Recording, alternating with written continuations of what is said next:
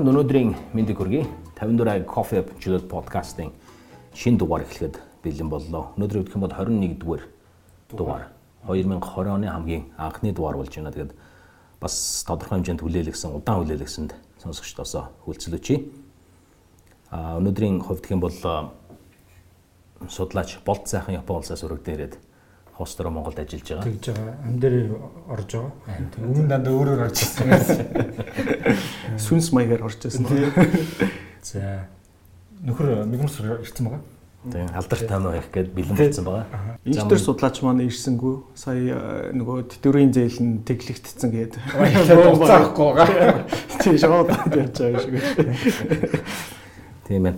За ингээд уламжлал ёсоор өнөөдрийн хувьд гэх юм бол бүх фидбек буюу сонсогчдоос ирсэн санал хүсэлтийг танилцуул маш товчхон. А гэхдээ тэрнээс өмнө өнөөдрийн сэдвэр гол өнөөдрийн дугаараар ямар сэдвүүд голчиж орох юм бэ гэдгийг танилцуулъя. Алд тойм нэгдүгээрт явна. А коронавирус буюу одоо ухааны тагал гэж яригдаад байгаа. Энэний талаар хамгийн сүүлийн мэдээлэл мөн нөлөөллийн талаар танилцуулна. А сонгуулийн хууль болон мандат ер нь юу болвоо? Одоо энэ зүүн сонгуул Монгол болох гэдэг гэсэн юм яг юу болж өнгөрөх гээд байгаа гэдэг талаар судлаачид мөн бэлтгэсэн байгаа. Тэтгэврийн зээл тэглэлээ гэж шинэ он гарахаас өмнө хүн шинэ оны дараа их хурлын шийдвэр гараад энэ талаар явж байгаа. Ер нь үр дүн яав, юу юу болов гэдэг талаар судлаачид мөн бэлтгэсэн байгаа. Мөн social credit system буюу одоо Монголыг тэнгэрийн шорон болгох гэдэг эсвэл болгож магадгүй гэсэн нэг болгоомжл байгаа энэ талаар судлаачид мөн бэлтгэсэн байгаа. Тэгэхээр энэ таван сэдвийн хүрээнд өнөөдрийн подкастыг та бүхэнд хүргэх болно. За ингээд Ууган баяр Батсахны хувьд бол судлаач нараас хүсэх ганц зүйл байна. Нилээн жинтэй санал хүсэлтүүд ирүүлсэн байна. Тэгэхээр дараах сэдвүүдээс боломжтой бол подкаст оруулаад учир шалтгааныг нь тайлбарлаад гаргалгаа санал болгол сайн байна гэсэн. А гурван сэдв байна. Нэгдүгээрх нь одоо Чилийн Miracle яагаад явн явсаар тэгшүүс байдлыг гаарууллаад тэгээд одоо бүтлгүүцсэн юм бэ? Сайхан жилд болсон докторгүй байдал өмнөөс бол хүмүүсийн дунд үл үзэгдэх гарын онол угаасаа боломжгүй юм биш үү гэсэн яриа мэрсэн сонсогдсон. Энэ талаар хөндүүлэх зүгээр байна гэсэн. Тэгэхээр дараагийн дугаарт хөндөж болох юм.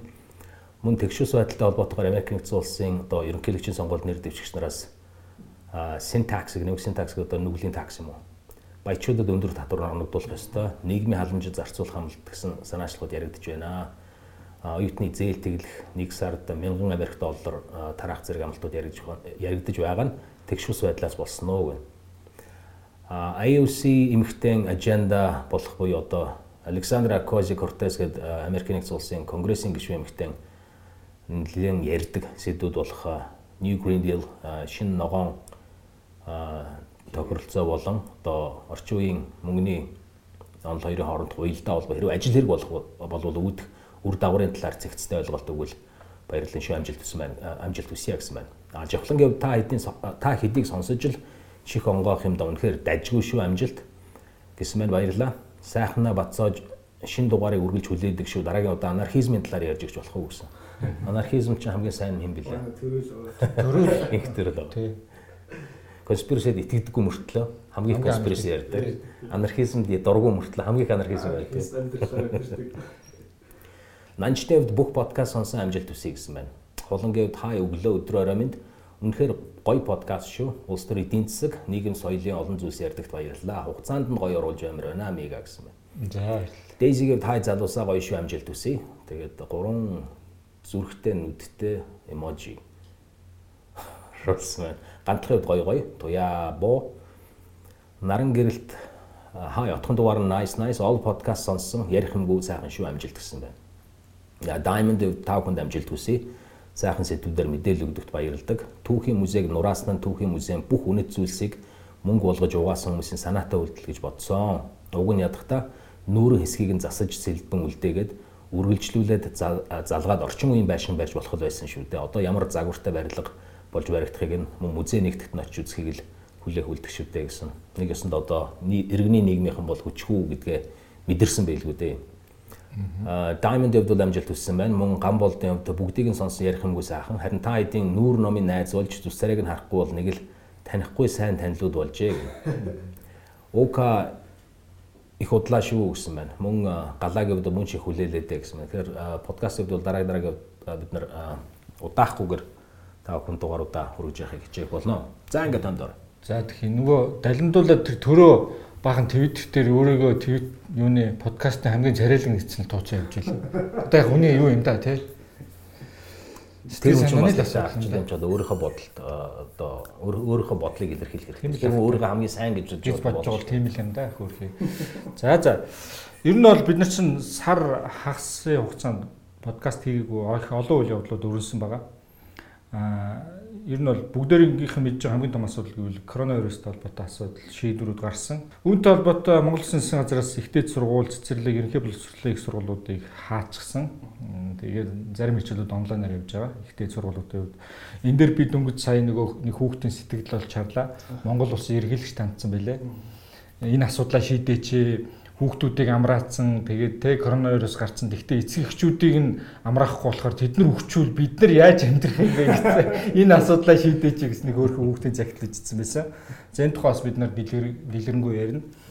За дөнгөж он гарахын өмнө 12 сарын 31-ний өдөр Монгол Улсын ерөнхийлөгч нэг уламжлалт э, шинэ жилийн мэдлэгээ дэвшүүлдэг. Төвгөрөө бас тэтгэврийн зээлийг тэглэх тухай тийм мэдээлэл юм аналт яваа. Тэг үүнтэй холбоотой бас нэлээд урт хугацааны э, маргаан мэтгэлцсэн олон нийтийн мэдээлэл хэрэгсэл сошиал медиагаар явсан. Тэгээд зарим нэг талаар энэ асуудал шийдэгч шиг боллоо. Нэг талаа гарчих шиг боллоо. Тэтгэврийн зээлээ тэглүүлчихсэн ахмадуудын тухай бас энэ зэрэг мэдээлэлд гараад эхэлсэн эхэлчихсэн явж байгаа. За оны өмнө улсын хурлын сонгуулийн тухай бол батлагдсан. За дөнгөж 2 сарын 1 сарын 30-нд а яг хуулийн хэрэгжилтэй холбоотой сонгуулийн тойрог мандатын хуваарлтын шийдвэр гарсан байгаа улсын хурлаас. За бас улсын хурлын гишүүн Номтой баярыг э, Номтой баяртай холбоотой нэг бахан таарсан асуудал маргаан өрнөсөн. Тэгээ одоогийн байдлаар улсын хурл бол нэг 74 гишүүнтэйгээр ажиллаж байгаа. Хоёр гишүүн байхгүй болчихсон гэсэн үг. За улсын хурлд хот байгуулах тухай хууль нөхцөлөөргөн барьсан байгаа. Энэ талаар та сонсон болоо улсыг өмнөх сард тэр нь болохоор майдер гэж нэг хот байгуулагдах юм байна. Хоёрд нь бол City гэдэг нөгөө шинээр байгуулагдж байгаа нисэх бодлого шүү дээ тий. Хөшгтийн үндэ тэрийг чинь бас хот болох тухайн юм хуулийн төсөл өргөн барьсан. Тэгээд бид нар бас тийм хотуудтай болох нэ болох ч юм уу ч юм уу тэгээд хин амьдрах чи бас тодорхойгүй л асуудал байлаа. Яг нь сайхан юм да шинэ хот болгоод бол за бас нэгдсэн үндэсний байгууллага олон улсын хурал дээр Монгол улсыг төлөөлж нэг хүн үг гэлээд англиар үг гэлээд тэгээд цэнгэлш гэдэг тийм шинэ шинэ хэл бий болж байгаа тухай. Ер нь бол нэг тийм юу яагаад байх ч одоо хар тамхи зөөгөөд яваад ах чинь хэлж бол хэрэггүй. Шаардлагагүй. Зүгээр л зөөх те машин хэрэгтэй. Жолооны өмлөхөд болж шээ. За Монгол улсын урт хугацааны хөгжлийн бодлого буюу алсын арга 2050 гээд бодлого баримт бичиг улсын хурд өргөн баригдсан байгаа. Одоо их хилцүүлэгт явж байгаа юм байна. Тэгэхээр чи улсын хурд чинь бас нөгөө чуулган хуралдахгүй юм байна шүү дээ. Бас коронавирустай холбоотой бөөнөр нэг дор суухгүй юм байна. Тэгэхээр энэ хилцүүлийнхаа асуудлыг цахимаар явуулна гэдэг э, тэр өргөн барьсан засгийн зэрэглэх газрын дарга нь бас мэдгдсэн байлээ. За нэг иймэрхүү улс төртэй холбоотой иймэрхүү үйл явдлууд өрнөж байгаа. Тэгээ нийгэмтэй холбоотой өөр зөндөө асуудлууд байгаа. Тэрний зарим асуудлуудыг бид нар бас өнөөдөр ярилцах юм байна. Тэгээ коронавирустай туршлага судлах гээд явсан уу Ухаан руу? Хурлын гишүүдээс. Угаасаа одоос нь тэнд байгаад байгаа юм шиг. За Тэгвэл маш хурдхан коронавирус буюу одоо Ухааны вирусын талаар сүүлийн үеийн байдал яг ямар байгаа юм бэ гэдэг талаар яа мэдээж бүх хэвлэл мэдээллийн байгууллагын талаар мэдээлж байгаа. Аа тэгээд дээрэс нь social болон бусад олон нийтийн мэдээллийн сүлжээгээр маш идэвхтэй мэдээлэл солилцож байгаа учраас энэ тал дээр одоо нуршиж яриад ах нь бол илүүц. А гэхдээ яг бодиттой юу болвоо гэдгийг бас нэг 2 3 минут суужгаад хэвлээ хараад үзцгээе. Тэгэхээр дэлхийн эрүүл мэндийн байгууллагаас олон улсын эрүүл мэндийн онцгой зарлах хэмжээнд бол хүрсэн байгаа. Энэ хүү өвчний улмаас Тэгэхээр энгийн ханиад болон томоогийн төрлийн вирусны хэсэгт багтдаг ийм л өвчин юм байна л да. А маш олон хүнд хурдан хугацаанд халдварлах эрсдэлтэй учраас нэг аюултай тооцогддог. Жишээ нь 2000 одоо 10 хэдэн жилийн өмнө 2002-оос 2003 онд SARS-ын тахал гэж байсан. Яг тэр үед сошиал медиа бас тэр болгон гараагүй учраас бид нэр одоогийнхтай ижил хэмжээнд мэдээлэл авч байгаагүй. А тэр үед болохоор ойролцоогоор 800 орчим хүн амь өргөцсөн юм байна. Тэр 800 орчим хүний амьд өрсөн. Тэгээд Ухааны вирус нь юугаараа аюултай байна гэхээр тархалтаар одоо тэр 10 хэдэн жилийн өмнөх SARS-ын хэмжээнд ердөө 2-7 хоногт хүрсэн байна. Тэгэхээр коронавирусын одоо нөгөө томруулсан гадаад хэлбэр нь ингээд микроскопоор хараад үзэхлээр нэг тийм титэм хэлбэртэй учраас л коронавирус гэж ангалж нэрлсэн юм байна. Тэгэхээр одоо бол Дэлхийн эрүүл мэндийн байгууллагаас ямар нэгэн тийм газар зүүн нэртэй холбож хэрэггүй гэж мэдээлэлээд байгаа ч гэсэн одоо Оросын хэвлэл мэдээллийн хэрэгслүүдээр ялангуяа ухааны тахал гэж нэрлэж эхэлсэн. Чума гэдэг ч одоо мөн үү. А зарим судалгааны байгууллагууд одоо хамгийн сүүлд харж байгаа жишээ нь Джон Хопкинсын их сургуулийн хийж үзсэн симуляцаар бол аль хэдийн нэг 75 мянга хүнд халдвар халдвар авсан байх боломжтой. Тэг өвчнийг энэ дарсны дараа тооцох юм бол нийтдээ ер нь 25 сая хүн амнасаа алдна гэж ийм тооцоог хийсэн байна. Тэгэхээр хэдийгээр одоо өвхлийн хэмжээнд нийт халдвар авсан хүмүүсийн нэг дунджаар 2% гэж байгаа ч гэсэн 50 байж болохгүй шалтгааны хүлээрээ энэ тахал маань оргил үедээ өрөөгүй байгаа гэж судлаачд бол хэлж байгаа. Тэгэхээр яаж халддсан бэ гэдэг тэгэхээр одоо тэгдэг ингэдэг нэг баахан үнэн худлаа мэддэг хүмүүд яваад гол мэрэгжлийн байгууллагуудаа хэлж байгаа нь болохоор хүнээс хүнд халддаг тэр дунд одоо агаар туслын зам буюу хажууд нь хүн амьсгалах, халдвар авсан хүн амьсгалах, ярих, ханиах, найтах, эсвэл халдвартаа одоо хүн хамраа муу амаа оролдочоод тэр бохирдсон гараараа хүрсэн гадаргуунд гарan дамжиж одоо халдвар дамжиж байгаа. Шинж тэмдэг нь юм бэ гэхээр халуурах, хуурай ханиалга, ядрах, булчин өвдөх зэрэг шинж тэмдэгүүд бол илэрдэг юм байна л да. Тэгэхээр яг энэ өвчин маань энэ тахал маань яг юугаараа аюултай юм бэ гэхээр бусад өмнө дэлхийн буюу олон улсын хэмжээнд гарч ирсэн бүх тахлуудтай харьцуулж үзэхлээр нэг тийм перспектив гарч болох байх л да 1918 онд одоо томоогийн тахал гэж гарч ирсэн байна. Тэр үед бол өвхлийн одоо хувь халдвар авсан хүмүүсийн нэг 5% нь байсан. А тэгвэл нийт одоо хүн амын дэлхийн нийт хүн амын 30% нь халтсан байдаг гэж байгаа. А яагаад аюултай гэхээр ухааны тахлаар халтсан эсхийг бол тогтооход удаан байна. Халдвар авсан хүн одоо жишээлбэл түрүүний ярьдаг шинж тэмдэг нь илэрсэн одоо илэртлээ унтаа үе буюу одоо 2-7 хоногийн хугацаанд халдвар авсан мөртлөө шинж тэмдэг нь огт илэрхгүй. А тэгсэн мөртлөө бусад хүмүүст халдвараа тараагаад явдаг. Энэ бол хамгийн том эрсдэл.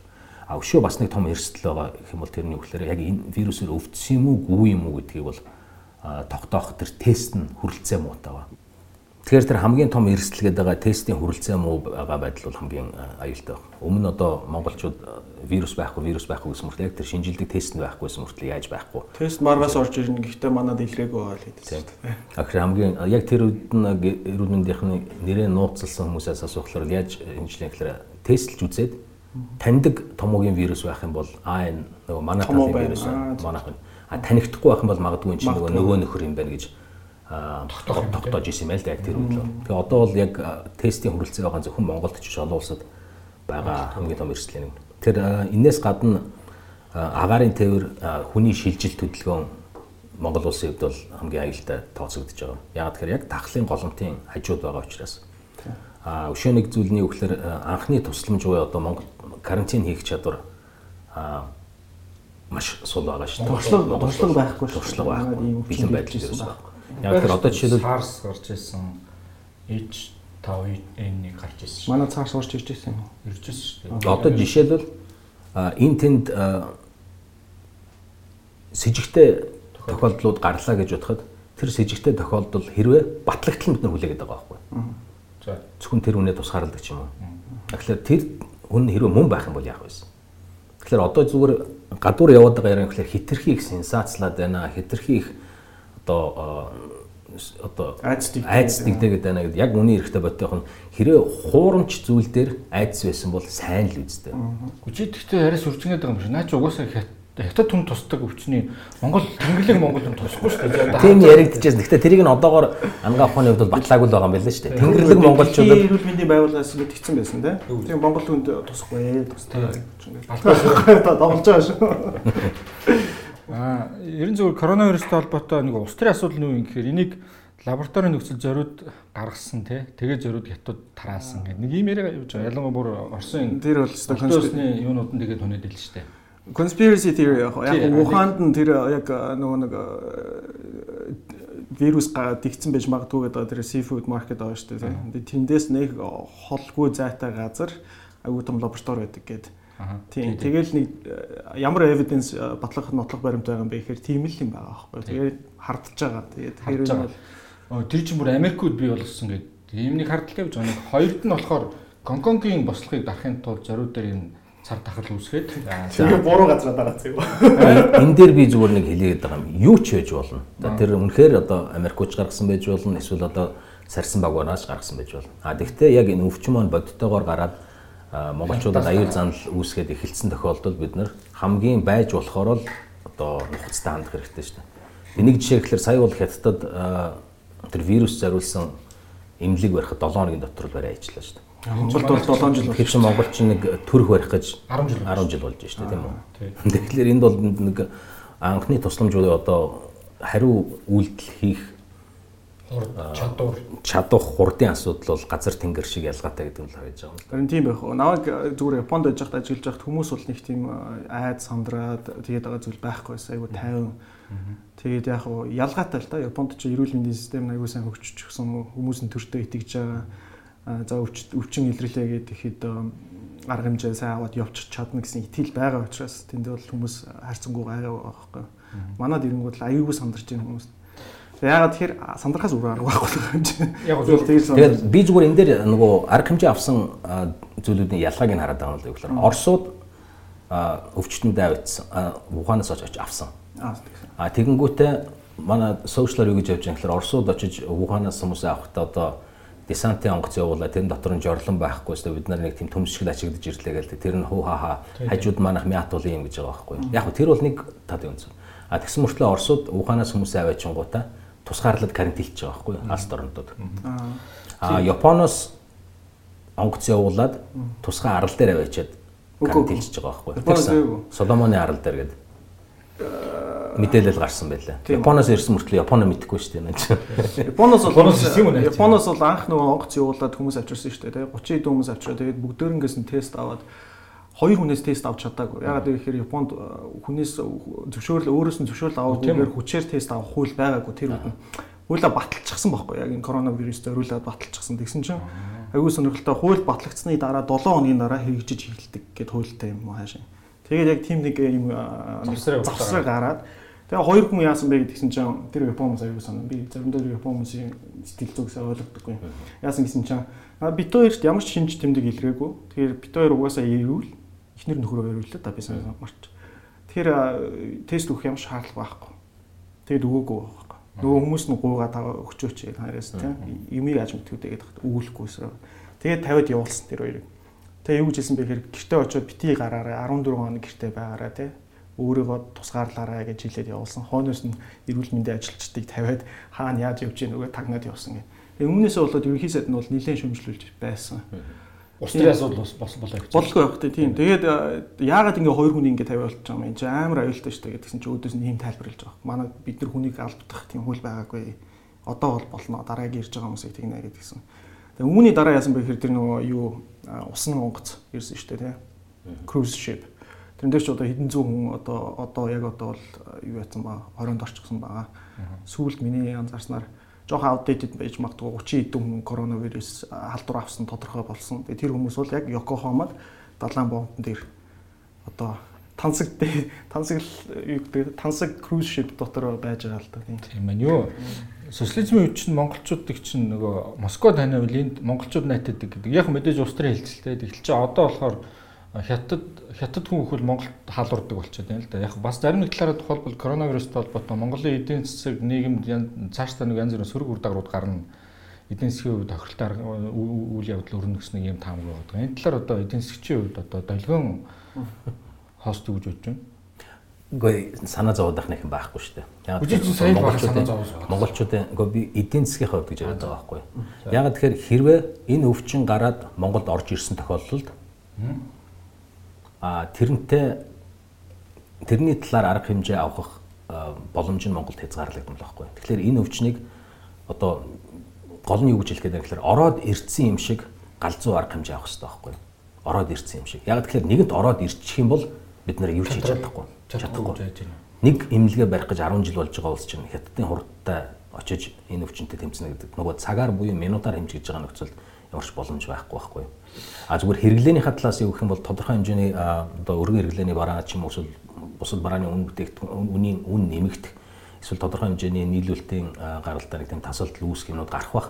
А гэхдээ монголчуудын нөгөө үндсэн хэрэглээ бол мах гурилын хувьд бол бид нар чинь өөрснөө хэрэглээгээ дотоодоос хангах боломжтой учраас нэг тэгж яадаг байхгүй. Хятадаас бид нар эргээд юугаа авдаг үлээ гэж бодох гэсэн. Үнэтэй бага хэрэглээний юмнууд авч байгаа шүү дээ. Ерөн зүгээр монголчууд одоогийн байдлаар баг энэ зон дээр ганцаар халдвар илрээгүй орон гэж тооцохоор энэ юу юу толботож болох болдоо. Төрөн гэтээ нэг сэдв нэг хаацсан дээр баг. Тэрний юу гэхээр нөө эдийн засгийн үр нөлөө гэдэг. А яванда яаж юм гэхээр нөгөө хятад чинь Монголын хамгийн том одоо хэрэглэгч түүхийн эдийн бүтээгдэхүүн авдаг орн шүү дээ. Тэгэхээр энэ үднээс аваад үзэхлээр хятадуудын авдаг түүхийд багасна. Тэр утгаараа Монголд орж ирэх доллар нь багасна. Тэгэхээр бидний орлого багасна гэдэг гэсэн. Нөлөөлнө гэсэн үг. Нөлөөлнө гэсэн үг. Нөлөөлнө гэсэн үг. Аа бид нар тосхгүй хаа би бол одоо их найдаж байна шүү дээ. Тэнгэрлэг монголчуудад бол тий. А зүгээр дараагийн сэдв болох тий тэнгэрийн шорон байгуулах тал дээр бол тэр юу яг уу хөрш орнуудад талдсан ихэнх кейсүүд нь бол нэг Ухаанаас очсон хятад хүмүүс байсан шүү дээ. Японд одоо жишээлбэл Япон хүн яг Японд туссан хүн болохоор тэр Ухааны энэ хорой морой тогтоохоос өмнө Ухаанаас ирсэн жуулчдыг тээвэрлж исэн жолооч автобусны жолооч тэгээ гайд хийжсэн залуу хоёр туссан байсан жишээлбэл. Одоо болох ч байгаа нэг зүйл нөгөө цагаан сар болох уугүй гэдэг нэг тий. Би бол баг хүмүүсийг харж байхад бол баг цагаан сар хийгээд дими юм. Дими үстэй баг энэ айгүйх зардал мөнгө болдог. Тэгээд баахан архитаар суулдаг янз бүрийн асуудал өрнөдөг учраас би бол өндүүлээд бол хүмүүс баг цагаан сар хийхгүй байх хүсэл их байх шүү дээ. Тийм. Тэгээ энэ дээр бол би одоо нөгөө молор хэртэн философчтай баг ижил үзэл бодолтой байдаг шүү дээ. Яг цагаан сар бол ер нь жоохон outdated болчихсон. Тэгээд тийм баяр. Аа тэгээ бид нар ч одоо хотод орж ирээд хотын соёлын хэмжилтэй болж байна. Өмнө нь тэм дэлдэг байсан шиг нутаг орн тэ орны бүх хүмүүс бие биенээрээ ороод бэлэг сэлцэл ингээд явахаас илүүтэй аа гэр бүлийн баяр тэ байсан дээр хаа зөвхөн гэр бүлийн хүрээнд зөвхөн тийм nuclear family дотор хийдэг одоо Christmas төстэй ч юм уу. Хүн чинь нутгийн зөвлөлийн баяр. Тэгэхгүй бол одоо тийм тэгэл одоо энэ тийм аймаг сумаараа бүр хэдэн айлаар ордог. Тэгээ 10 20 айл 30 айлаар ордог. Тэр бол одоо тийм л баг. Тэгээд одоо бэлэг сэлт өгөхдөө ч гэсэн бид айл болохоор заавал хятадаас нэг хэдэн бараа оруулж ирэл тэрийгээ солилцоод байхгүйгээр тийм. Тэгээ би нэг нэг өчтөр сонсоо ховоо ховоо яриад тэгээд нэг зэдэх байх. Өчтөр эмчнэртэй уулзсан. Тэгсэн чинь эмчнэрийг нөгөө маска өөртөө хангах гэсэн байна. Өөртөө натаа зохицуул гэсэн байна. Өөрөөр хэлбэл цаанаас нь тавьж өгөхгүй. Нэг хоёрд нь гаднаас нь Япон интерес чинь айгүй их бол маск ирсэн юм байна. Хүмүүст яг уу ингээд өөртөө тарааж байгаа цэцэрлэг хүүхдүүд сургуулиуд тарааж байгаа юм байна. Тэгтэл чинь а эмчнэрт бол тэр маск оногдохгүй байна. Тэгээд тэр маскууд хайцсан гэсэн чинь айгүй сонин улсын хурлын гишүүд энэ том дарганаар нь өөрсдөө тэрийг аваад тэгээд өөрсдөө хэрэгцээ хангаж ингэдэг хав явчихлаа. Тэгээ эмчнэр нинээлтэд дийлээ тэгсэн байлээ шүү дээ. Нэг талаараа инээд дэмжсэн, нэг талаараа бол энэ бол айгүй онгой шүү. Ер нь бол харж байхад нэрээ. Гэхдээ одоо юу гэж яддаг нь чамааг иймэрхүү юм ярангууд чинь шал худлаа. Мэдээс тэгэл тараагаал, цууг тараагаал юм шүү. Тэгэл баг. Тэгээд яг нэр нэгдүгürt би их сурулж нь биш. Хоёрдугаарт нь энэ шууд өвчнөд холбоотой биш. Гуравд нь үнэхээр тийм болсон хэсгээр олон нийтийн мэдээлэл хэрэгсэл ч юм уу эсвэл тэр сэтгүүлчд нь бас мөрдөж үзүүлээд нэг нэр. Аа гэхдээ энэ уучлаарай энэ дэр нэг зүйл буруу зүйл гарсан шүү. Тэрний болохоор яг ийм олон нийтийг хамарсан тагалж байдаг юм эсвэл олон нийтийг хамарсан онц байдлыг болохоор аль болохоор мэдээллийг нээлттэй бөгөөд чөлөөтэй болж явах хэрэгтэй. Аа эрх хэрэгчдээс ч гэсэн хурдан энэ мэдээлэл ангах хэрэгтэй. А тэгэхээр чи одоо жишээлбэл зарим юм харагдж байгаа нь юу гэхээр ийм вирусны талаар худал мэдээлэл тараасан гэдэг айгүй шийдэж байгаа. 2 сая төгрөгөөр нэг хүнийг торгосон гэдсэн. А тэр ихтэй өөрөө би вирус авчлаа гэж худлаа мэдээлэл Тэрнээс тэрнээс өмнө өөрөлдөл олон нийтийн мэдээллийн хэрэгслэр вирусны талаар тааламжгүй тааламжгүй мэдээлэл тараасан гэдэг нэг тиймэрхүү үндэслэл юмуд явж байгаа. Тэгээ гол нь зүгээр иймэрхүү юмнууд хийжсэн дээр бол аль болох мэдээлэл чөлөөтэй нээлттэй байлгаад а тэр дэлгүүр баарсав шүнийн клуб караоке гэдэг тийм эрсдэл өндөртэй газрууд нь одоо хүртэл ажиллаж байгаа шүү дээ. Тэр чи архиуж байгаа юм зүгээр юм шүү. Гэхдээ тэр бааранд ороод масктай л бүжиглэх үү те. 12 цаг хүртэл ажиллаж байгаа гэсэн шүү дээ. Одоо ингэж байгаа. Маск хэрэггүй дээ гэдэг нэг юм байна. Яг тэгэхээр наа чин гаднаас вирус яг үүж штэ гэдэг. Хамгаалдаг хамгаалдаг үүж штэ. А гэхдээ хэрвээ бүгдээрээ маск зүүчих юм бол тэр чин өөрсдөө л контейн нэгээд явна штэ. Тэгэхээр тустай байна уу? Тустай л байгаа. Тийм тийм. Маскны хувьд юу Японд бол одоо маск хомсдолд орчихсон. Тийм байдалтай байсан. Тэгээ би өөрөө том олон тоод шигтэй маск олж авах гээд болж чадаагүй шүү дээ. Тэгээд зарагдаад болсон гадуур. Би өөрөө масктай л дээ. Чи хамгийн эрсдэлтэй газар шигчээд яг маск. Өөрийгөө хэлээч. Би зүгээд авчих. Тэгэхээр одоо зүгээр сонсогчдод бол зөвлөгөө өгөхөд Нэгдүгээрх нь маска зүтгэрээ зүгээрээ, а хоёрдугаарх нь гарын ариутгалаа дээд хэмжээнд байлгаараа. Болж игэл нэг гадуур явахдаа бейли өмсөж явж явах юм бол зүгээр юм шүү. Бейли өмсөж байгаа маш их зүгээр. Тэгээд олон нийтийн газрыг аль болохоор олон нийтийн газар явахгүй байх юм бол зүгээр нэ. Цагаан сар гэдэг юм бол бас хэцүү асуудал. Яг тэгэхээр цагаан сар тэмдэглэнэ гэдэг чинь угаасаа Монгол үндэсний хувьд бол identity буюу өөрсдийн хинбэ гэдэг зүйлийн нэг хэсэг шүү дээ. А гэхдээ зүгээр магадгүй нэг жоохон өөрчилсөн хэлээр бүгдээрээ маска зүгээд хуурай үнсэж хөөрөггүй тэмдэглэх юм бол магадгүй болох байх тийм. Яг тэгэхээр хөөргийг санаж уу монголчууд чинь? Нэг нэгэндээ гайхуулаа явдаг шүү дээ. А тэгэхээр эн чинь бол нэг тийм микробны одоо бяцхан инкубатор л яваад байгаа юм шүү. Тийм. Гэхдээ би бол юуг хориглоо, юуг хязгаарлаад байгаа юм гэхээр нутгийн зөвлөлгээд бүр сум сумаараа энэ хотод чинь бүх юм цугулдаг байхгүй. Тийм. Тэр бол бүр арай хэтэрсэн. Тийм. Тэр цагаан сар гэхээс илүү баг улс төр үйл ажиллагаа болт. Тийм. Тэр утгаар нь хэлж байгаа. За за.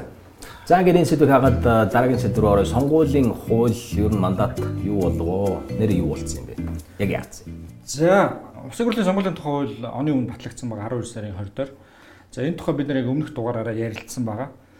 За тэр хуулиар гол нэг заалт нь бол Улсын хурлын 76 гишүүнийг олон мандат тойрогоор сонгоно гэдэг. А тэгээд түүнтэй холбоотой дөнгөж өнгөрсөн сард 2 сарын 1-ний дотор багтаж сонгуулийн тойрог мандатын тоог тодорхойлсон байгаа. За одоо 20 онд болох 6 сарын 24-нд болох сонгуулиар чинь нийт 29 тойрогтой сонгуул болох нь байна. А энэний 20 нь бол орон нутгаас а юу гэсэн үлдсэн 9 нь болохоор нийслэлээс гэсэн үг. За орон нутгаас бол 52 гишүүнийг сонгох нь байна. За Улаанбаатар хотоос болохоор 24 гишүүнийг мандатаар сонгох нь байна. За нийслэл тэгэхэр чи энэ болохоор өмнөх 16-нд болсон сонгуулиас нийслэлийн мандатыг дөрөөр хасж байгаа юм байна. Аа зөв өмнө 48 байсан. Одоо 52 орон нутгад 48 байсныг 52 болгоод хотоос алцсан гэсэн үг. За нийт 76 мандатын 31% нь бол нийслэлд 69% нь бол орон нутгад. Оногдож байгаа. За тэгээд э, яг хүн амын тоо буюу сонгогчийн тоог нь харьцуулахаар бол за Монгол улсад бол нийтдээ нэг 2 сая 2 сая 58 сонгогч байгаа юм байна. За. За үүний орон нутгад бол сая 223 болохоор орон нутгаас 800 34 сонгогч бол нийслэлийн сонгогч байдаг байх нь 834 мянган гэсэн үг. Тийм 834 мянган. За тэгээд тооцохоор бол Улаанбаатар хотод оногдох сонгогчийн оногдох мандатын тоог нэг сонгогчдод одоо харьцуулахаар нэг яг тоогоор бол нэг 40%. Э, 40% гэдэг бол нийт мандатын 40 гишүүн гэсэн. Тийм нийт мандатын 40% нь Улаанбаатар хотод ноогдох ёстой байтал одоо хэдэн хувь ногчод байгаа гинэ. Одоо 31%. 31%. Тэгэхээр 9% алдчихад байгаа юм шүү дээ. Тийм гэсэн үг. 6 гишүүнээр бол алдчихад байгаа. Дутуу байна гэсэн үг. Энэ бол тэгээд яг уу зөвөр шин зүйл бол биш те. Яг уу юу нь шин юм бэ гэхээр бүр угаасаа л ийм тэгш бус байсныг нь улам тэгш бус болгосон юм байна тийм үү? Энэ удаа тийм. За нэгдүгürt бол энэ томсгсон олон мандатаа тэгээд орон нутагт мандат ахиу хуваарлсан бол хэд хэд үр дагавартай байна. Аа нэгдүгürt нь бол мэдээж эрхвэрч нам тооцоо утсан юм шиг байна. Аа 20 оны сонгуульд ялахгүй магадaltaй. Өөртөө ашигтай болохгүй. Ядаж ивсэл болъё. Нөгөө ялж болох магадaltaй тий.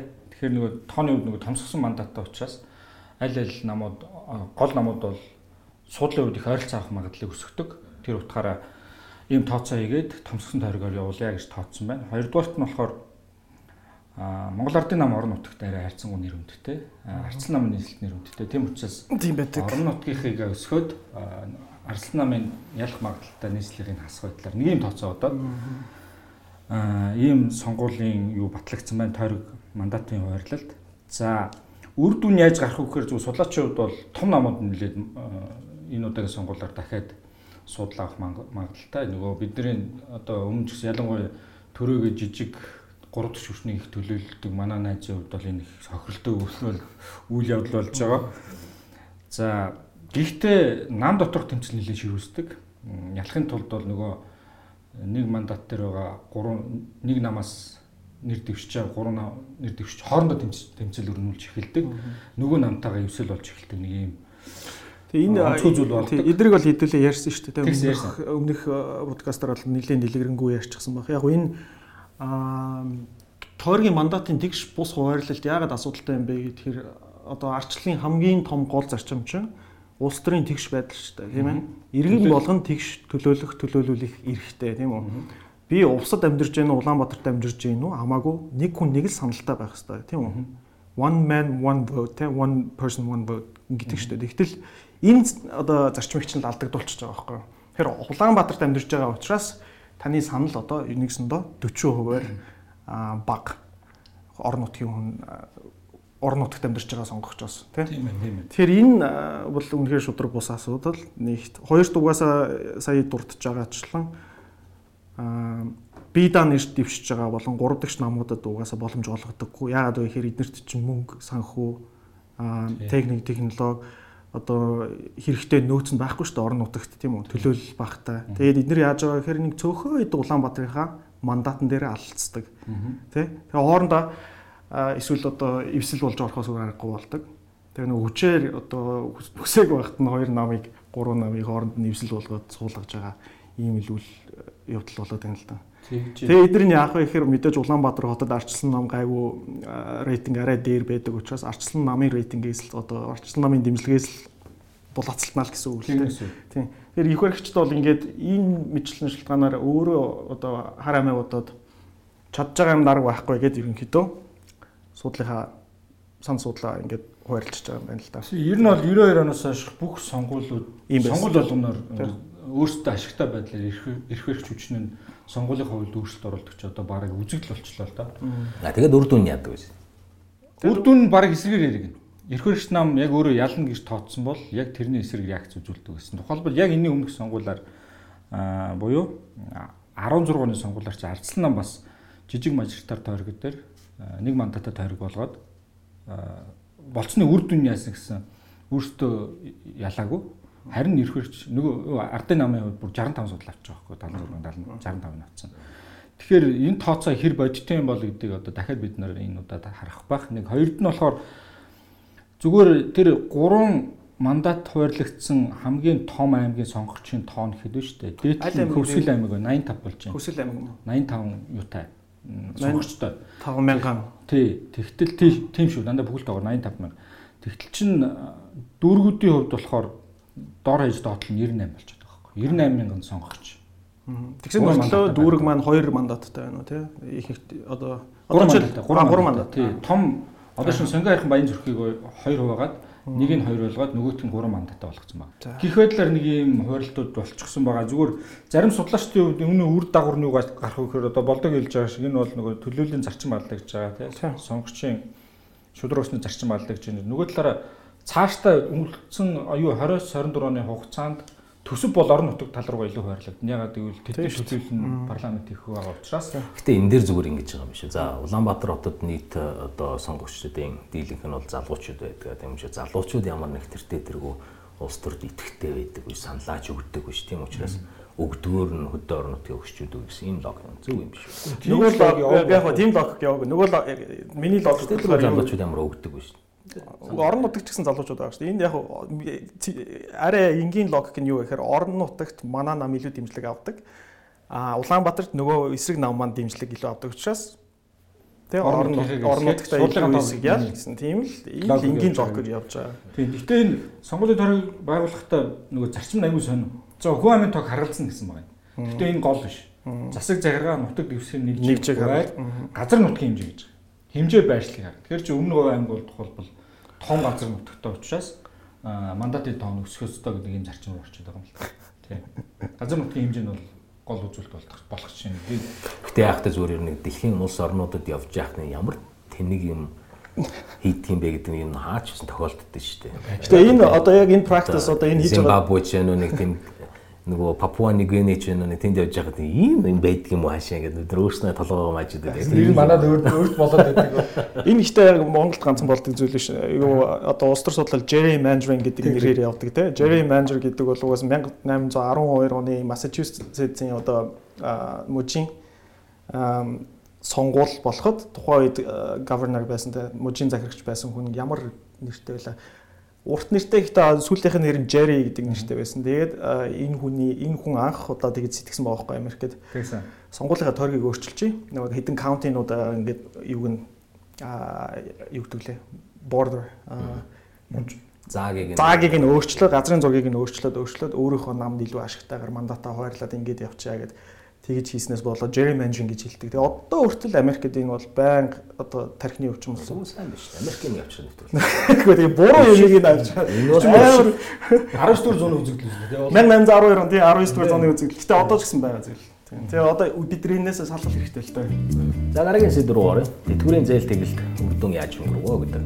За. За яг хэд юуг нь мега яриад өчгөө юуг нь юу болсон дарааллыг нь тестралыг нь ерөнхийлөгч бол ерөнхийдөө тийм шинэ жилийн шинэ жилийн өдөр чинь сюрприз ирсэн. Гинтл одоо тэтгэврийн зээлийг тэглэх юм шийдвэр үндэсний аюулгүй байдлын зөвлөлөөс гаргалаа гэдэг За тэгээд дон гарын гутал бүүн бүжигнэн болсон. Эрх хөрөгч хүчний ялангуяа сангийн амнаас бол ийм тооцоо ба ийм асуудал ерөөсөө засгийн газар үүрэнд яригдаагүйгээд а нэг сайд нь тэгэл. Нөгөө сайд нь болсон чинь ийм асуудал байж болно. Ялангуяа нийгэм хамгаалалт хөтөлбөрийн яамны сайд нь болохоор энэ тал дээр бид нар тооцоо бодож байгаа гэдэг. Тэгэлэр ингээд зөрчилтэй юмнууд явсаар байгаа. Тэгээд нэг мэдсэн улсын хурал дээр энэ асуудлыг баг жижиг намууд нь барьж ороод баасангүй санагдчих шүү. Хуулийн төслийг барьж ороод тэгээд харин зүгээр хэмжээний хувьд хэрхэн хэр хэмжээгээр яах вэ? Аа дээр нь нөгөө гол асуудал нь зээлтэй ба зээлгүй хүмүүсийг зээлгүй хүмүүстэй тэтгэврийн зээл аваагүй хүмүүсийг сохирохгүй тулд бас ямар арга хэмжээ авах уу гэдэг ийм арга өрөмж эхэлсэн байна. Тийм. Тэгээ энэ дээр чинь бол яг зүгээр нэг шүүм жил байгаа нь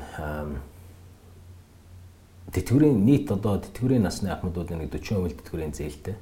А тэн дотор цөм хойдон 10 хүрхгүй хувь нь томоохон хэмжээний 6 одоо 4 6 саяас ч юм дээш тэтгэврийн зээлтэй байсан гэж ярьдаг. Тэгэхээр зүгээр нэг асуултны үгээр хэрвээ хийгээд яваад байгаа тохиолдолд энийга нийт ахмадуудад хүртээмжтэй эргэл нөгөө хүртээмжтэй гэдэг үгийн асуудал гарч ирсэн. Хүртээмжтэй маягаар шийдсэн хүрсэн тийм бодлого байхгүй бол болохгүй юм шүү гэдэг нэг Гэхдээ миний харж байгаа бол энэ ч одоо бодлого гэхээс илүү зүгээр л нэг удаагийн одоо төр төр засгаас үзүүлж байгаа юу төр засагч одоо Санта Клаус юм уу тийм бэлэг өгдөг баяраар Pop pop шийдвэр өгдөг. Тийм, ийм байж болохгүй шүү дээ. Тэгээд илүү одоо нүдэ олсон шийдвэр гэх юм уу. Тийм байвал угаасаа манай тэтгэврийн систем bankrupt тийм урт хугацаагаа харсан аа тим шийдэл бодлого боловсруулад орж ирээд тэрийг хэрэгжүүлээд явсан бол хамаагүй дээр байхгүй тийм нэг удаа хүмүүст их хэмжээний зээлийг нь тэгэлж ингэж өгч явж байснаас ирээдүйд яах вэ тийм үү? Энд одоо тэтгэврийн асуудал чинь ганцхан одоо тэтгэврийн зээлтэй байгаа хүмүүсийн асуудал биш шүү дээ. Ажил хөдөлмөр хийж байгаа хүмүүсийн асуудал. Тэднээс чинь авдаггүй хүмүүс өөрсдөө болгодог хүмүүс юу? Ажил хөдөлмөр хийгээд татвараа төлөөд явж байгаа тэр хүмүүс ирээдүйд тэтгэврт гарна. Тэдний асуудал тэр энэ тэтгэврийн системийг шимжлэе ч гэдэг юм уу реформ хийя ч гэдэг юм уу ийм бодлого боловсруулад surprise баярсан бол үнэхээр гоё байхалаа. Тэгтэл зүгээр нэг удаа тэг ядж явах цонголт өгсөн байхад. Тэгээд яг нь ерөнхийлөгч маань өөрөө тэтгэврийн зээлч биш. Ер нь зээлийг тэглэнэ гэж амлалт өгч байсан тийм. Тэгээ тэр амлалтынхаа хүрээнд одоо баг би амлалтаа биелүүлж шүү гэж байгаа юм шиг ийм л зүйл болоод өнгөрчлөл гэж харж байна. Наа энэ бол хамтын шийд үндсэн хязгаарлалын зөвлөлийн шийдвэр гэж бодож байгаа юм. Гэхдээ одоо тэндээс тэгж шийдвэр гарч бол шийдвэр гаргадаг институт биш шүү дээ. Тухайлбал ялангуяа ийм засгийн газрын төвчний асуудлыг тэнд шийдэнгүүтээ тэгээд оруулж гүйцэтгэх засаглалыг одоо үүргийг тэнд 3 хүн хийгээд яваад байх юм бол одоо засгийн газартаа байгаад ямар хийх вэ? Тийм үстэй. Тэгээд тэтгэвэр аваагүй тийш зээл аваагүй тэр хүмүүсийн хувьд аюу гомдолтой зүйл болж тэднийг гомдохгүй тулд бас засгийн газар нэг дараагийн бандангаа утгах байх. Аа тухайлбал одоо чинь би өчтөр аав ихтэйгээ уулзсан тэтгэврт гарцсан. Тэгээ бид нар ингээ өөрсдөө болгохгүй те аль болох зээл авахгүй ингээ өөрсдөө болгож байгаа хүмүүс юу байгуулчихгүй юмсан да. Тэгээ тий үр хөвгтүүд ихэл. Тухайлбал тэр тэтгэврийн зээл авсан хүмүүсийн цаад юунууд нь бол ихэнх төлөв тэр ахмадууд биш дандаа үр хөвгтүүд нь өөрсдийнхөө хувьд зарцуулсан тийм юмнууд байгаа. За тэр орж ирсэн төрийн зээлийн асуудал дээр орж ирсэн гэхлээр төрөөг юм ярихаас өмнө би бас нэг тийм disclosure хийх хэрэгтэй байна. Тэрний үгээр хамгийн сүүл төрөө ээжрээ тэтгэврийн зээл авахулаад шинэ iPhone авсан шүү. Тэр зээл ингээд тэглэгдэж явах шиг байна тийм үү? За ингээд тэтгэврийн зээл зөв буруу юу? Тэгээд өөрөө бас тэтгэврийн зээл авсан. Тэрийг хэлэхгүй. Тэтгэврийн зээл тэглээд сэтгэл санаа ярив. Би яг дөнгөж он гараад Thailand Taiwan дээр яваа Thailand ирсэн. Энийг мад хүмүүс их янз бүрээр тайлбарлаад одоо ямар мөнгөөр явж үгээд бас янз бүрээр асууж эхэллээ. За итгэн зээлтэй л хамаагүй шүү дээ. Тийм үү юу л. За тэгэлтийн тухай ер нь чиний өөрийн чинь Гэхдээ ер нь бол зүгээр сонгуулийн жил ямар нэгэн мөнгө тарах болохгүй шүү дээ. Энэ бол Монгол уламжлалсан ажил шүү дээ. Цаг хугацааны л асуудал байсан. Тий. Гэтэ хинт тараах уу гэдэг л асуудал байсан байхгүй. Тэгээд яаж тараах вэ? Хаанаас мөнгө гарах вэ гэдэг асуудал байсан. Тэгээд энэ удаад тэтгэврийнхэн маань их хаттай ингээд мөнгө мөнгөний авчлаа. Шинэ оны бэлэг авчлаа. Тий. Тэгээд нөгөө нэг юугаар яриадсэн шүү дээ. Ямар нийтлэл вэ? 100 хэдэн мянган хүний зээлийг 3 сая хүнд хуваагаад өгчлөө. Зээл. Тийм шүү дээ. Тэгээ үнгүй юм гэж байдаггүй шүү дээ. Тэглэнэ гэж байхгүй тийм. Тэр 100 хэдэн мянган тэтгэврийнхний зээлийг одоо бид нар бүгд төлөөлөл өргөн шүү дээ. Яагаад гэвэл тэр ямар ч орд байсан бүх бүх ордууд ард түмний мэдлэг тийм үстэй. Тэрээс одоо 165 мянган тэтгэврийнхний орд гэж тустай байхгүй шүү Үндсүүд ч тийм байхгүй болдоо төлнө гэдэг. Чи гадаад дээд гэж яхаар төлдөг. Бид гурав төлж байгаа шүү дээ. Бид нар бүгдээрээ directly татвар төлөө төлж байгаа. Энэ directly инфляцаар төлж байгаа. Тэ? Гэхдээ юу яах вэ шүү дээ. Чи би мөнгөн хэлбэрээ биш махад сэтгэлээрээ төлж байгаа юм. Тэгээд одоо бас нэг тийм moral hazard гэдэг үг байдаг шүү дээ. Одоо юу гэх юм. Зээл аваад хариуцлагатайгаар зээлээ төлөөд дуусчихсан хүнийг урамшуулах биш. Төлж чадахгүй явж байгаа хүнийг Хэлж байна гэдэг чинь одоо муу буруу сэтэл өгч байна гэсэн үг байхгүй юу? Эдийн засгийн хувьд муу жишг тогтоож жишг тогтоож байна л гэсэн үг тийм. Энэ бол хамгийн аюултай юм. Зүйтгэх юм бол. Тэгээд хүн болгоо одоо тэгэл сангуулийн өмнө жил зээлийг тултална аваад тэгэл ингээл тий. Тэгээ авах ёстой юм шиг төрөөс төрөөс заавал дижээж явах хэрэгтэй юм шиг төрөөгөөс биш. Төрөөс дижээж явах хэрэгтэй юм шиг юм өгж явах хэрэгтэй юм шиг. Гэхдээ нийгмийн халамж бол биш. Энэ чинь халамжийн бодлого биш тийм үү? Төрөөс халамж явуулахыг эсэргүүцээд байгаа юм биш шүү дээ тий. Халамж явуулж болно. Яг тодорхой зорилтод бүлэгт зориулсан урт хугацааны sustainable зорилготой тийм бодлого явуулж болно шүү дээ. Тэрнээс биш зүгээр нэг удаа маа гэд мөнгө өгдөг санта клаус биш л байхгүй төр болно. Тэгээд энэ үндэсний айлгүй байдлын зүйл одоо зүгээр би судлаач юу шүмжлэхэд эн чинь тийм бодлого бол бодлого гаргацгаар поп биш шийдвэр гаргацгаар тийм боловсралтай ямар хэвтэн бай. Гэхдээ мэдхгүй биш мэдчихэл байгаа шүү дээ. Хамгийн гол нь зүгээр чи улс төрийн улс төрчдийн эрх одоо ашиг сонирхлоос нь бодоод үзэхээр энэ талаас нэг хүн тэтгэврийн зээлийг тэглэнэ гэд ороод ирэхээр нөгөө талууд нь үгүй гэхээр тэд нар чинь яах юм бэ? Сонгуульд оролцохоор тий, тий. Тийм шүү дээ. Юм муухай болж харагдмааргүй шүү дээ. Тэгээ яалчгүй ингээл өхөөс өөр аргагүй л болдог байхгүй. Дөрөв оны сонгуулиар те нэг наманд аль нам нь аль нам гэдгийг мэдж байгаа. Нэг улс төрийн хүчин гарч ирээд сая төгрөг өгнө гэд амлсан. Нөгөөх нь сая 500 өхөөс аргагүй болж Тэр чинь үхгүй үйл ялагдчих шүү дээ сонгуульд. Ингээд нэг юм тийм prisoners dilemma шиг ингээд ингээд бие биенээ ингээд булан давичиж ихдэг юм. Үгүй болдоо. Амлсан мөнгө ба мөнгө амлс амлсан мөнгөө тарааснаа шалтгаалж сонгуульд ялах ялгадаг гэдгийг хооронд хамаарал байхгүй за. Гүг зураас нөгөө байгаа байлгүй гэж бодоод яваад байгаа бол. Тий. Одоо энэ талаас амлцсан юм чинь би амлахгүй бол ялагдчихна гэдээ амлчлага байхгүй. Тэгэл хоёлаа амлаад гараад ирдэг. Гарч ирэнгуудлаа нэг мөнгө нь байхгүй. За одоо яах вэ гэдэг нь за тэгвэл нэг урдаа хочаад э, барьцаалч да. Тэгээд оруулж ирээд хүмүүс тараагаад өгöd. Ийм байдалтай явахгүй шүү дээ. Манай бол би миний зүгээр юу бол манай банкныхын санхүүгийн зах зээл хянаач хэлсэн үү? Энэ дээр энэ дээр яг нэг дуутай ингээд тэсэргүүцж байх хэвээр. Гэтэл бүгдээрээ ингээд улс төрчийг дагаад тэгээ тоглолтод нь ороод улс төрөөс авсан мөнгийг аваад ингээд зээлээ хаачиж байгаа айгу харамсалтай санагдаж байна. Биднэрт бол зүгээр одоо бол бэлэн мөнгө өгөөгүй шүү дээ. Бид нар сонгуулийн дараа нэг өгнө гэдэг бонд ч юм уу өрийн бичигэл зүгээр өгсөн байгаа шүү дээ банкудад. Би бол тэгж л. Тэрнээс сангийн сангийн сайд нь бол мөнгө тараагаагүй мөнгө өгөөгүй. Тэ? Энэ бол одоо төсөөс гараагүй гэдэг мэдгдсэн байдаг. Тэгсэн мөртлөө зээлийн тэгэлцсэн байна. Тэр бол зүгээр Монгол банкны зүгээс банкнуудад нэг өрийн бичиг ч юм уу те. Тийм өгөөд удахгүй өгнө гэсэн тийм нэг амлал өгч байгаа. А тэрэнд бол их манай банкныхан тэрийг дагаал улс төрчийн тоглолтод ороод тэгээ одоо нийт зээл зээл төлөгчдийн маань одоо сахлаг батж одоо ингээд шууд ороочих шүү дээ. Тийм шүү дээ. Moral hazard. Тий. Энэ бол айгүй аюултай. Ингээд санхүү эдийн засгийн зах зээлээ бол бас давхар алж байгаа л асууж. Чиний юу доогоос доо хариулах хүчний тухай бид нараар л яриад мэдгүй одоо мэдж байгаа юм. Одоо одоо тийм өөрийнхөө юм болохыг ч мэдхээ байлаа шүү дээ. Зээл аваагүй ахмадуудад мөнгө тараана гэж яриад байгаа. Бити тэрэл гэж гуймаар байна. Яа тэгэхээр тэр мөнгө тараачдаг эдийн засаг руу тэг гинт их хэмжээний мөнгө бэлэн мөнгө оруулаад инфляц өснө. Тэгээ буцаагаад амьдрал хамаг авдаг махс үн үснэ ялгаагүй урт хугацаанд болдоо тараа. Тэнд нь аюултай шүү гэж л одоо тэгэлмээр байна. Яг зүгээр энэ дээр нэг ганцхан ойлгох. Тийм үгээр мөнгө байгаа бол тарааж болно. Монголчин бас тийм ядуу улс биш шүү дээ. Хулгайчд ихтэй л болохоос ш. Зам дундаас нь айгүйх одоо над руу хард. Монгол хүмүүс рүү гаралтай. Хулгайдаг монголчууд руу гаралтай. Нэг юм юу гэхээр үнэхээр хулгайчд ихтэй л болохоос биш Монгол улс тийм ядуу улс бол биш биш байхгүй юу?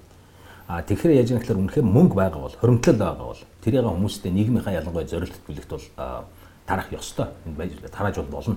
Тэр тусмаа одоо 3 монгол хүн тутмын нэг нь ядуу байгаа нөхцөлд бол энийг тарааж болно. Над руу авахыгээд байж энэ нэг подкаст болгоноор доо заавал нэг pop нар доогийн ээлж pop болох юм баг. Тэрийг олон урт хугацаанд sustainable эдийн засгт буруу одоо сөрөг нөлөө үзүүлэх. Тэгэхээр юу гэж юм гэхээр ингээд явах хэрэгтэй. Яг үнэ. Нэг удаа шууд байгаа бол байгаа бол тэрийг тарааж болно. А байхгүй юм а бити тараал гэж байгаа. Байхгүй шүү дээ бид. Одоо энэ бол байхгүй. Би хамгийн гол мэдхгүй юм алгалд. Би мэдхгүй байна. Үнэхээр байгаа юм байхгүй би мэдхгүй шүү дээ. Дараагийн дараагийн подкаст дээр энэ болдог явуулъя. Тэгэхгүй бол энэ догийн pop мэдээллийг дагаад намжаад. За дараагийн сэдв social credit system буюу одоо Монгол байгуулах гэж байгаа тэнгэрийн шорон.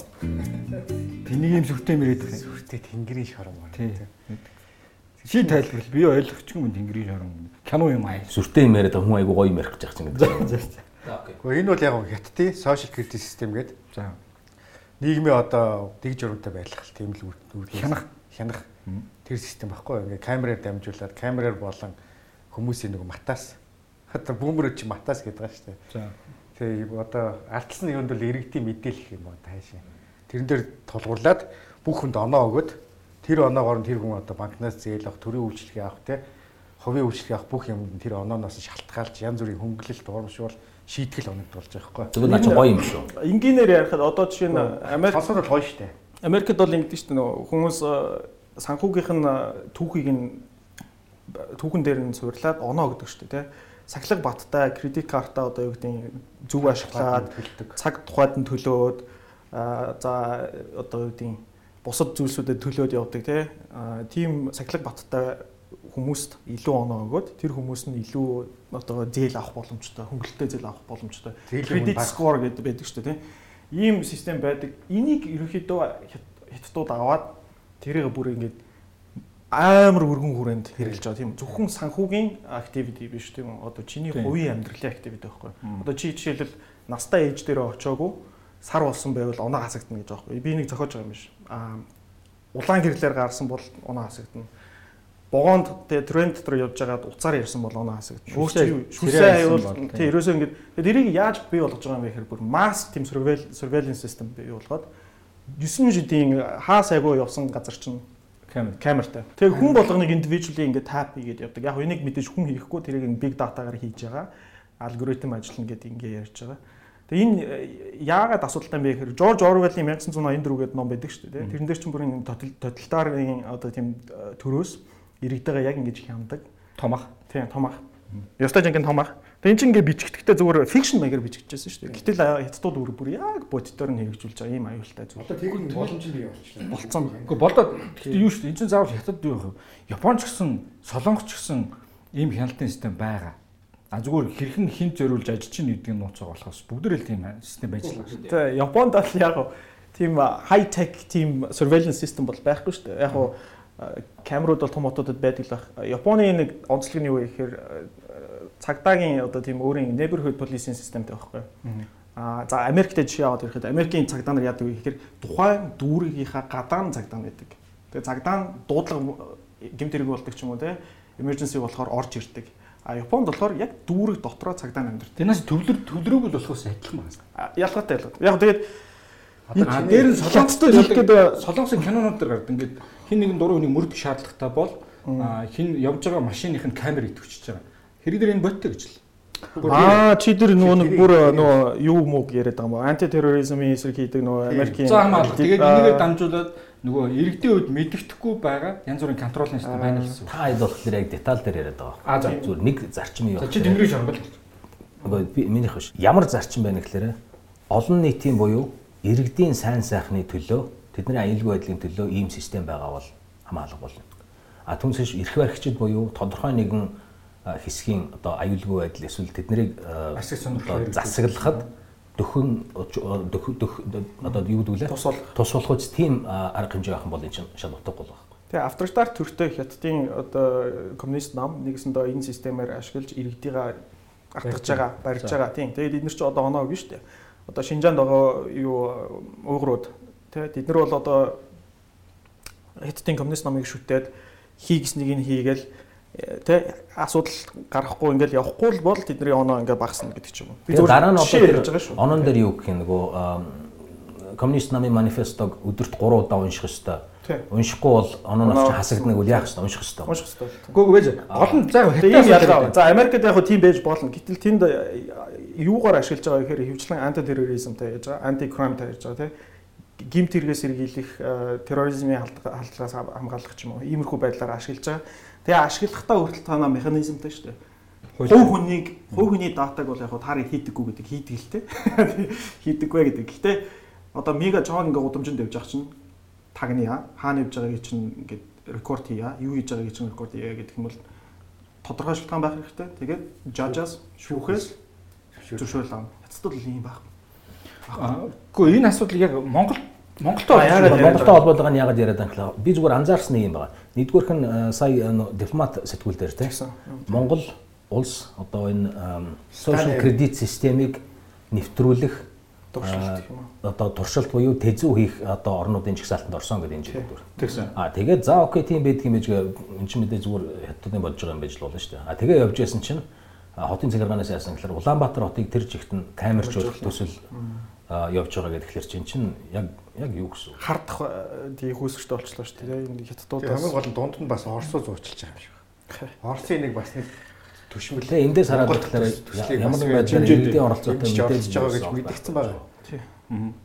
Тэгэхээр эн чинь бол олон улсын одоо бүс нутгийн хэмжээний surveillance систем үүсгэх гэдэг шүү дээ. Тэгээд тэрийг нь хин контролдоо байхлаа ингээд Төв Азийг хянсан нэг том систем үүсгэх гэдэг шүү. Тэрэнд нь манайхаа орцсон явж байгаа хгүй. Бид нар мдээгүй засгийн газрын нэг хитгэн түвшин шийдсэн юм уу яасан. Тэгээд тийм. Тэгээд гол нь энэ систем чинь decentralized team system биш. Энэ чинь centrally э, одоо байж төвлөрсөн систем. Төвлөрсөн систем байхгүй. Хин хариуцж яг мэдж байгаа вэ гэхээр тийм энэ эрх нь хинд байна гэхээр хятадд байгаа байхгүй.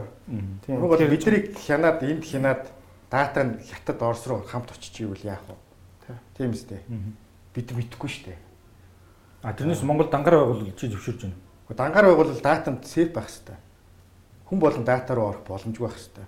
Тэр чинь шүүгч зөвшөөрөл байх хэрэгтэй тийм. Янз бүрийн тийм механизм байх хэрэгтэй шүү. Тэрнээс хувь хүний тань ороод мегмар дорж мегмар сүрэг ингээд юу яа хаана явж ирснийг хараа ихтэл гарч ирдэг гэвэл тэр чинь бол эрхчлөөч байхгүй болчихж байгаа байхгүй. Тэгээд энэ түгэн нөө үр дүнг нь бид нар сайн тайлбарлаг баг. Одоо ингээд оноо өгнө гэдэг шиг байна тийм ээ. Зарим behavior зарим хүний үйлдэл дээр нь одоо сайн гэж үзээд нэмэх оноогод зарим зүйлийг муу гэж үзээд хасах оноо өгöd. За тэгээд авсан онооноос шалтгаалаад таны юу хийж чадах чадахгүй чинь нийгэмд тэг юу хийж чадах чадахгүй. Жишээлбэл онгоцны билет худалдаад аялж чадахгүй чадахгүй юу? А тэг богоон цууж чадахгүй чадахгүй юу? Хүүхдээ сургуульд явуулж чадахгүй чадахгүй юу тэг гих мэтлэн энэ асуудлыг ерөөсөө цаанаас нь төрн шийдэж өгöd байгаа байхгүй юу? Энэ чинь аим шиг байгаа зү Юм дэхтэй зүгээр? Санхүүгийн хүн дээр бол энэ бол болж байгаа хгүй. Санхүүгийн зах зээл дээр ингээд тий зээлийн түүхэн үсгээд ингээд хүн байрны мөнгөө төлдгөө, тогны мөнгөө төлдгөө, тий? Зээлийн юу гэдэг төлдгөө тэр нь ил байдаг бол тий? Тэрийг нь харж агаад банк санхүүгийн байгууллага шийдвэр гаргав. Эдрийг тий одоо тэр Америк Америкаас бид нар суралцаад хийх хэрэгтэй баг л та. Юу Америкийн тэр кредит скорыг бол ерөнхийдөө нөгөө тус би даасан тусдаа credit agency өгдөг шүү дээ. Тэгээ банкнуудаас тусдаа үйл ажиллагаа явуулдаг тийм байгууллагууд өгдөг. Манад бол хэрэгтэй Манайх чинь тэгээд нөгөө чанаргүй зээлмэл нөгөө зээлдэгчийн түүхийг чинь Монгол банкнаас л асуудаг байх тийм. Монгол банк Монгол банк руу явуулаад. Гэхдээ тэр чинь бас Монгол улс төр чинь популизм хийгээд 5 жил тутам тэр чинь бас клин юм устгах гэдэг байхгүй. Яг хяналтын камер гэдэгтэй холбоотой жишээлбэл сая коронавирус гарсантай холбоотойгоор ийм хуулийн төсөл явж байгаа шүү дээ. Гудамжинд гудамж гудамжинд нурц цэрийн аюулд хариуцлах хүлээлгэн гэдэг. Тийм зөв шүү дээ. Аа тэгвэл сая би нөгөө автобусанд суух гад зогсож чинь хоёр бат нөгөө банд Өөр л хаамаг шүлсэн хайж гин, нуцраа хайж гин. Чи яаж юм гэдэг чинь тэр яах би буцаа зайлах юм уу гинэ. Тэгэхээр би нүгнээ гээд уцаа ингээд барьж байгаа лав хийж байгаа юм шиг ингээд нүглөө нь харуулахгүй. За дахиад хийснэ хэлдэг гэсэн чинь цаашаа харж байгаа. Олон юм ярих болчихж байгаа. Яг тэр шиг тухайлбал ийм хяналтын камерууд ажиллаад тэгээ тэр дагуу хин нэг нь муухай буруу хийвэл тэрийг хариуцлах хүлээгнэ гэдэг ийм систем байвал харин монголчууд жоохон соёлчих юм шүү. Хятад бол баг тэгээд аягүй соёлтой болсон байна. Өмнөх 10 жилийн өмнө очижсэн хятад одоогийн хятадын хооронд бол Тэнгэр газар шиг зөрүүт болсон. Иргэд бол аюул солилтой болсон байна гэж харагдаж байна. Хятадас мөнгө авсан шүү дээ. Гүг аа. Хятадсан газар юугаар авсан тийм юм. Тийм л юм мэдчихэж. Мэдээж э, хяналтын камер сууршуулгаас э, сууршуулахыг эсэргүүцээд байгаа юм биш. Энэ social credit system бол Монголд хэрэггүй л гэж ярьж байгаа. Яагаад вэ гэхээр энэ бол угаасаа хитрхи их чиний эрх чөлөөг боомлно. Тэгээд хятадд хитрхи их контрол өгнө. Ийм хоёр шалтгаанууд байна шүү дээ. Би бол гайгүй ардсан Монгол, тусгаар Монголоос арайч нэг тийм бусад улсын Монгол ялсан контекст руу ороод Тэнгэрийн шорон морон дээр орчихгүй байх гэж бодож байна. халахын баяа заяа ихээ тэргээд хамгийн гол асуудал энэ бол зүгээр хүн төрөлхтний одоо маш одоо олон зуун жилийн одоо нэг дилемма ба штэ. Аюулгүй байдлаа эрхчлээ юу? Тэ? Баланс. Аюулгүй байдлын төлөө чи эрхчлээнийх хэдэн хувийг өгөх үү? Тэ? Тэгээ аль нь чухал уу гэдэг л асуудал шүү дээ. Аюулгүй байдлын чухал гэж үзчихвэл одоо эрхчлэг аль? Эрхчлэг чухал гэж үзвэл аюулгүй байдал ч асуудал. Тэгээ энийг одоо балансчлуулах асуудал. Тэгээ наад аргумент ч бол яг Америкт аюу хэрэгждэг аргумент. Яг ойлгомжтой те. Тэнд бол угаасаа яг жинхнээсээ наад дилеммагийг чинь хүмүүс фейс хийж байгаа. Ягаад гэвэл тэнд бол терроризмын одоо аюул үнэн үнэн те. Тэрнтэй тэмцэхийн тулд чиний эрхчлөөг баг зэрэг боомлох хэрэгтэй юу хэрэгтэй. Монгол тийм байхгүй шүү. Монгол нус цэрүү нус цэрүү те эсвэл одоо одоо эрүүл мэндч нь үү эсвэл ингээд жоохон камер чөлөөч нь үү гэдэг. Энэ Монгол хамгийн нийгэм за яг Монголд хэрэгжүүлж болох уу гэвэл яг болно уу. А нийгмийн хамгийн одоо эрсдэлтэй бөгөөд буруу юм хийх магадaltaй хэсэг рүү л одоо энийг чиглүүлэх хэрэгтэй байна. Тэгэхээр одоо төрийн ордноо камержуулах хэрэгтэй. Улс төрчдийг бүгдийг social credit системд оруулах хэрэгтэй. Төрийн байгууллага бүгд контрол ард олон нийтийг энд хамруулах шаардлага байхгүй. Тэгэхээр яг энэ системийг бол төрийн байгууллагууд болон засгийн газрын ордонд хийх юм бол хамгийн тохиромжтой бөгөөд оновчтой гэж бодож байна. Иймэрхүү подкастинг кредит цуглуулах. Энэ дэр дандаа нэмэх оноо. Тэгээд тасгамаа он дээр нь тэгээд энэ дээр нь оруулах хэрэгтэй байхгүй. Авилга авах юм бол 2 оноо хасагдана. Арих уух юм бол 3 оноо хасагдана эднэр гэдэг бодлоо. Ингээд зарах хэрэгтэй байхгүй тий. Тэгэхээр ийм байж бол болох юм. Тийм учраас бол дараагийн дараагийн санаад явчих хэрэгтэй байлгүй дээ хийж байгаа улсууд нь. Энэ дээр бүгдээрээ сонсогчтой бүгдээрээ энэ дээр ингээ мэдээлэлтэй айгуу тийм соргох бай те. Иймэрхүү мэдээллийг зүгээр орхихгүй ингээ араас нь асууж сургалж ийдэг. Тэгэхгүй л эн чинь ингээд нууцаар яваад байгаа байхгүй. Гэхдээ дийлэхгүй шүү дээ. Би шууд хэлээ. Та нар дийлэхгүй шүү дээ. Иргэний нийгэм ард олныг дийлэхгүй шүү дээ та нар. Нураал гэсэн бол нураал гэдэг байхгүй юу? Ойлгосноо. Тэгэхээр энэ одоо social credit системийг хийн гэсэн бол хийж л таараа. Нэг ийм Та нар яаж дургу байгаа, дуртай байгаа нь огт хамаа байхгүй. Зүгээр л хийн л гэсэн бол юм. Төв музей яалаа, нураал гэсэн бол нураад чинь тий. Ийм статистик. Иргэний нийгмийг дарах үйл үлгэл ялцсан юм шиг юм тий. А 2012 онд улсын төрийн нууцын жагсаалтад 80 юу байсан бэ? 80 байсан байна. 80 зүйлийг 80 бичгээр 80 бич байсан байна. Одоо тэр нь 500 оролцсон байна. Угаасаа одоо энэ сошиал кредиттэй холбоотой эсвэл хяналтын камертай холбоотой зүйлүүд чинь аль хэдийн нууцын жагсаалт ороод аль хэдийн хэрэгж нь олон нийт мэдж чадахгүй энэ асуудлаар хөөцлөл та улсын нууцыг задлсан хэрэгт орох учраас хамаагүй ярьж болохгүй. нэг Хаад болж Монгол юм да Монгол тэгээд нууц гэж байхгүй шүү дээ. Тийм ээ. Тэгэл нэгэн задлаа л ингээл. Наа чи Монголоос гараа явцсан байхгүй. Тэгэхээр хамаагүй болчихгүй. Хятадууд нь өөр санал тавиад байна гэдэг байна шүү дээ. Тэгээ Тэгтээ хятадууд яг монголчууд тусалж ижил чинь хэрэгжиж шүү дээ. дипломатын энэ энэ артикл дээр бол ярьж байгаагаар бол хятадууд бусад орнуудад нөө Belt and Road чи гэдэг лээ. Нэг бүс нэг зам. Нэг бүс нэг зам оролцож байгаа улсуудад энэ social credit системийг санал болгож байна. Санал болгож байна гэдгийг хаалтан дотор уншаарай заяа шахаж байна гэсэн үг тийм. Тэгээд тэгээд дандаа сайн талыг нь ярьж өгч байна гэж. Тэгээд юу жишээлбэл одоо traffic control заяа. Монгол одоо манай хотын дарга нар айгүй бол ингэж бодож байгаа. Өө өстө Улаанбаатарын traffic-ийг хятадуудын тусламжтайгаар камержуулаад ингэж шийдчих юм бол амар өндөр оноо авах гэдэг тийм. Гэтэл ард байгаа рискийг нь хятадууд өөрсдөө тайлбарлаж өгөхгүй байгаа байхгүй. Гүдүү гэж ярих хэрэгтэй тийм үстэй. Энэ дэр монголчуудаас гадна Каз- Казахстан, Кыргыз нь ямар реакцтай байгаа юм? Тэд нар чинь тэгэл одоо арчлалгүй авторитар улсууд тэгэл төрийнх нь дарга нь ерөнхийлөгч нь окей гэвэл тэгэл тэгэл явна шүү дээ. Дуртай хүлээж авна шүү дээ. За энэ төслийг Америкт хэрэгжүүлнэ гэвэл та нар ямар саналтай байна? Юу н хийж хэрэгж үзсэн өөртөө л хэрэгжүүл. Ядаж хэрэгжүүлэл тангаараа л хэрэгжүүлэх. камер агараа хүчлээ. аль хэдийн хэрэгжээж явцсан байж байгаа. Гэхдээ зүгээр энэ төслийг хийж байгаа улсууд хэлэхэд бол одоо ингээд хаа нэгэн одоо хятад ингээд гоё хянах самбар дээр сууж байхад бид нар бол астер их зардал гарна шүү. Ялангуяа Монголд бол тий. Нөгөө камер нь алга болчлаа. Нөр микрофоны гусаа ийдсэн байж тэгээд тиймэрхүү юмуд аюу их болно шүү. Тэгэхээр одоо энэ төслийг хэрэгжүүлж байгаа улсууд бол аюу их тийм санхүүгийн хувьд бол Монгол улсад хэрэгжих нь бол их өндөр зардалтай гарна шүү гэдэг бол нэг юм санах хэрэгтэй. Ер нь бол тэгэл хамгийн түрүүнд босоо өгөх нэг л таргетлаа шүү дээ. Бидний зүс тариаг л ихлээл хамгийн түрүүнд л хараад эхлэх байх. Түлж бас бурууч юм биш юм байна. Даваадалтай ч юм уу. За ингээд энэ удаагийн подкастыг энэ үрээд өндөрлөх үү? А зүгээр энэс өмнө нэг юм өгөх юм бол одоо эх 7 хоног эх 2 7 хоногийн хугацаанд хамгийн их анхаарал татгаар сэдвүүд юу вэ? Корона л одоо короног бол ингээл тойрол асуудал цагаан сар болох тэгэл цагаан сар болох уугүй юу гэдэг маргаан явсаар бол цагаан сартай зодлох. Корона дээр бас хүмүүс тэр үр анзаараагүй. Гэхдээ нэг асар том юм ил болсон шүү. Тэрний үгээр одоо эрүүл мэндийн яамнаас мэдээлэл хийж байгаа нөгөө зүүдээ ярих гэж тулгаагаа ярина гэдэг шүү. Үгүй эн чинь санаа зовоод ах юм байхгүй шүү. Монголч одоо 19 онд коронавирус гараагүй байхад чинь л 70 мянган хүн одоо эвтэж эмчлүүлээд уушгины атгалаагаар 410 хүн нас барсан шүү дээ. Тийм.